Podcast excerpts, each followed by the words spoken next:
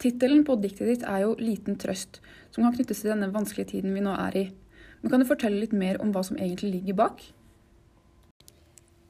Det dreier seg gjerne om at det kommer noen trøstende ord, eller det at det kan være dårlig med trøst å finne i den koronatiden vi er i nå.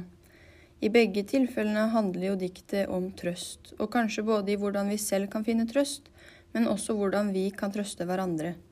Tittelen gjenspeiler en forståelse av at vi alle står i en situasjon der vi deler et behov for å få og gi trøst.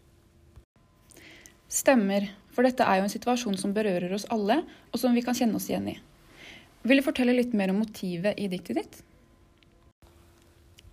Jeg forteller jo om en totalt forandret tilværelse, og føler seg fremmedgjort overfor seg selv, men òg omgivelsene. Tiden oppleves annerledes og går så sakte at alle klokkene ligger etter.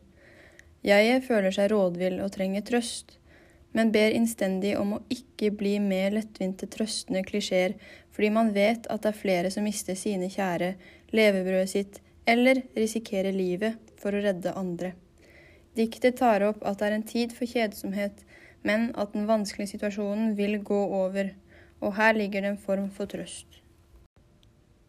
Diktet tar opp relevante temaer, men hva vil du si er hovedtemaet her? Det handler jo helt klart om en følelse av håpløshet, ensomhet og frustrasjon.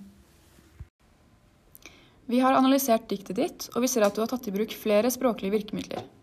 Eksempler på gjentagelse er 'ikke si det', og 'det tar tid'.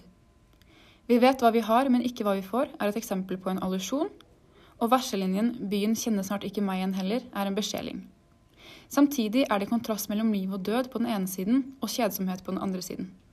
Hvilken effekt har egentlig disse virkemidlene på leseren?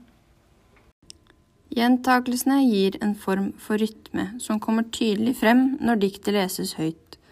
Allusjonen gjør at leseren kan kjenne igjen diktet fra klang og rytme, og forsterke følelsen av at alt er snudd på hodet, og at tilstanden er totalt forandret.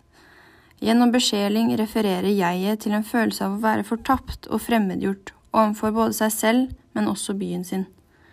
Kontrasten derimot gir et nytt perspektiv på hva vi egentlig står overfor i koronakrisen. Da var Lyrikkmorgen over for i dag. Takk til Gunvor Hofmo og Lars Saabye Christensen. Vi er tilbake neste fredag klokken ni.